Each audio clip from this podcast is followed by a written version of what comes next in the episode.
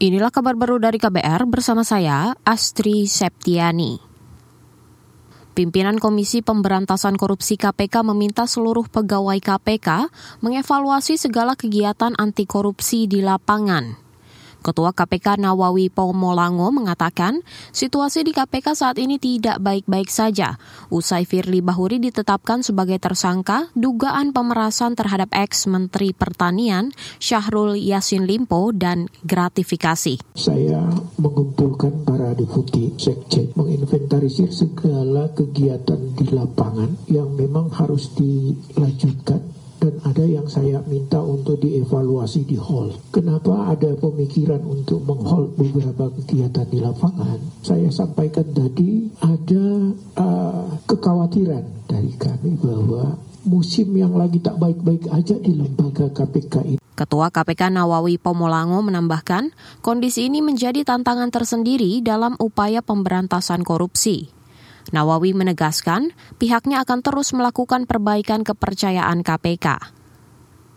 Saudara, kelompok buruh di Jawa Barat mengklaim ada 15 juta buruh siap mogok kerja serentak. Aksi mogok serentak akan dilakukan jika pemerintah provinsi tidak mengabulkan tuntutan kenaikan upah minimum atau UMK 2024 sesuai dengan keinginan buruh. Ketua Umum Federasi Serikat Pekerja Tekstil, Sandang, dan Kulit, Serikat Pekerja Seluruh Indonesia atau FSP TSK SPSI, Roy Jinto Ferianto mengatakan, mereka mengancam mogok karena pemerintah provinsi enggan bertemu dengan perwakilan buruh untuk membahas besaran UMK 2024. Kalau semuanya mogok, kayak kemarin Bekasi, itu ekonomi lumpuh karena nggak bisa keluar, nggak bisa masuk, barang nggak bisa masuk ke perusahaan, kemudian juga nggak bisa keluar ekspornya.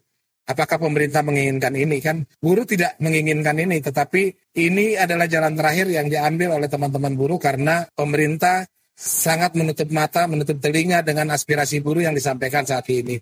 Sebelum kejadian hari ini, September kita sudah berkirim surat ini ketemu dengan PJ Gubernur, tapi sampai hari ini nggak ditanggapi. Ketua Umum Federasi Serikat Pekerja Tekstil, Sandang dan Kulit SPSI Roy Jinto Ferianto meminta penjabat Gubernur Jawa Barat menyetujui rekomendasi UMK 2024 yang disampaikan 27 kepala daerah di wilayah Jawa Barat.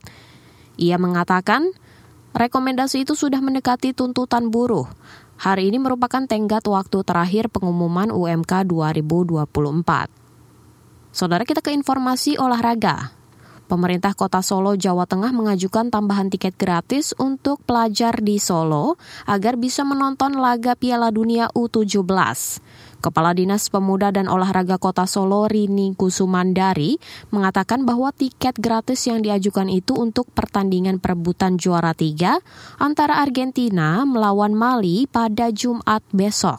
Nanti tanggal 1 kemungkinan ya saya sudah usulkan semoga masih ada program uh, seat feeling untuk anak-anak karena sudah uh, saya menjanjikan di tanggal 1 ya mungkin kan kalau untuk tanggal 1 di apa perebutan juara tiga kan mungkin agak sepi ya jadi mereka kan beli tiketnya untuk final jadi uh, semoga itu nanti kita ada program lagi dapat lagi kuota untuk uh, anak-anak sekolah saya usulnya banyak 2000 usul kan yeah.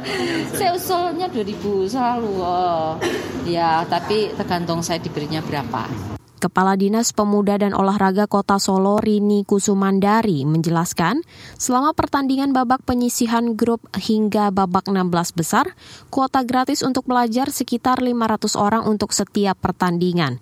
Namun selama ini kendalanya waktu pertandingan di sore hari berbenturan dengan jam sekolah.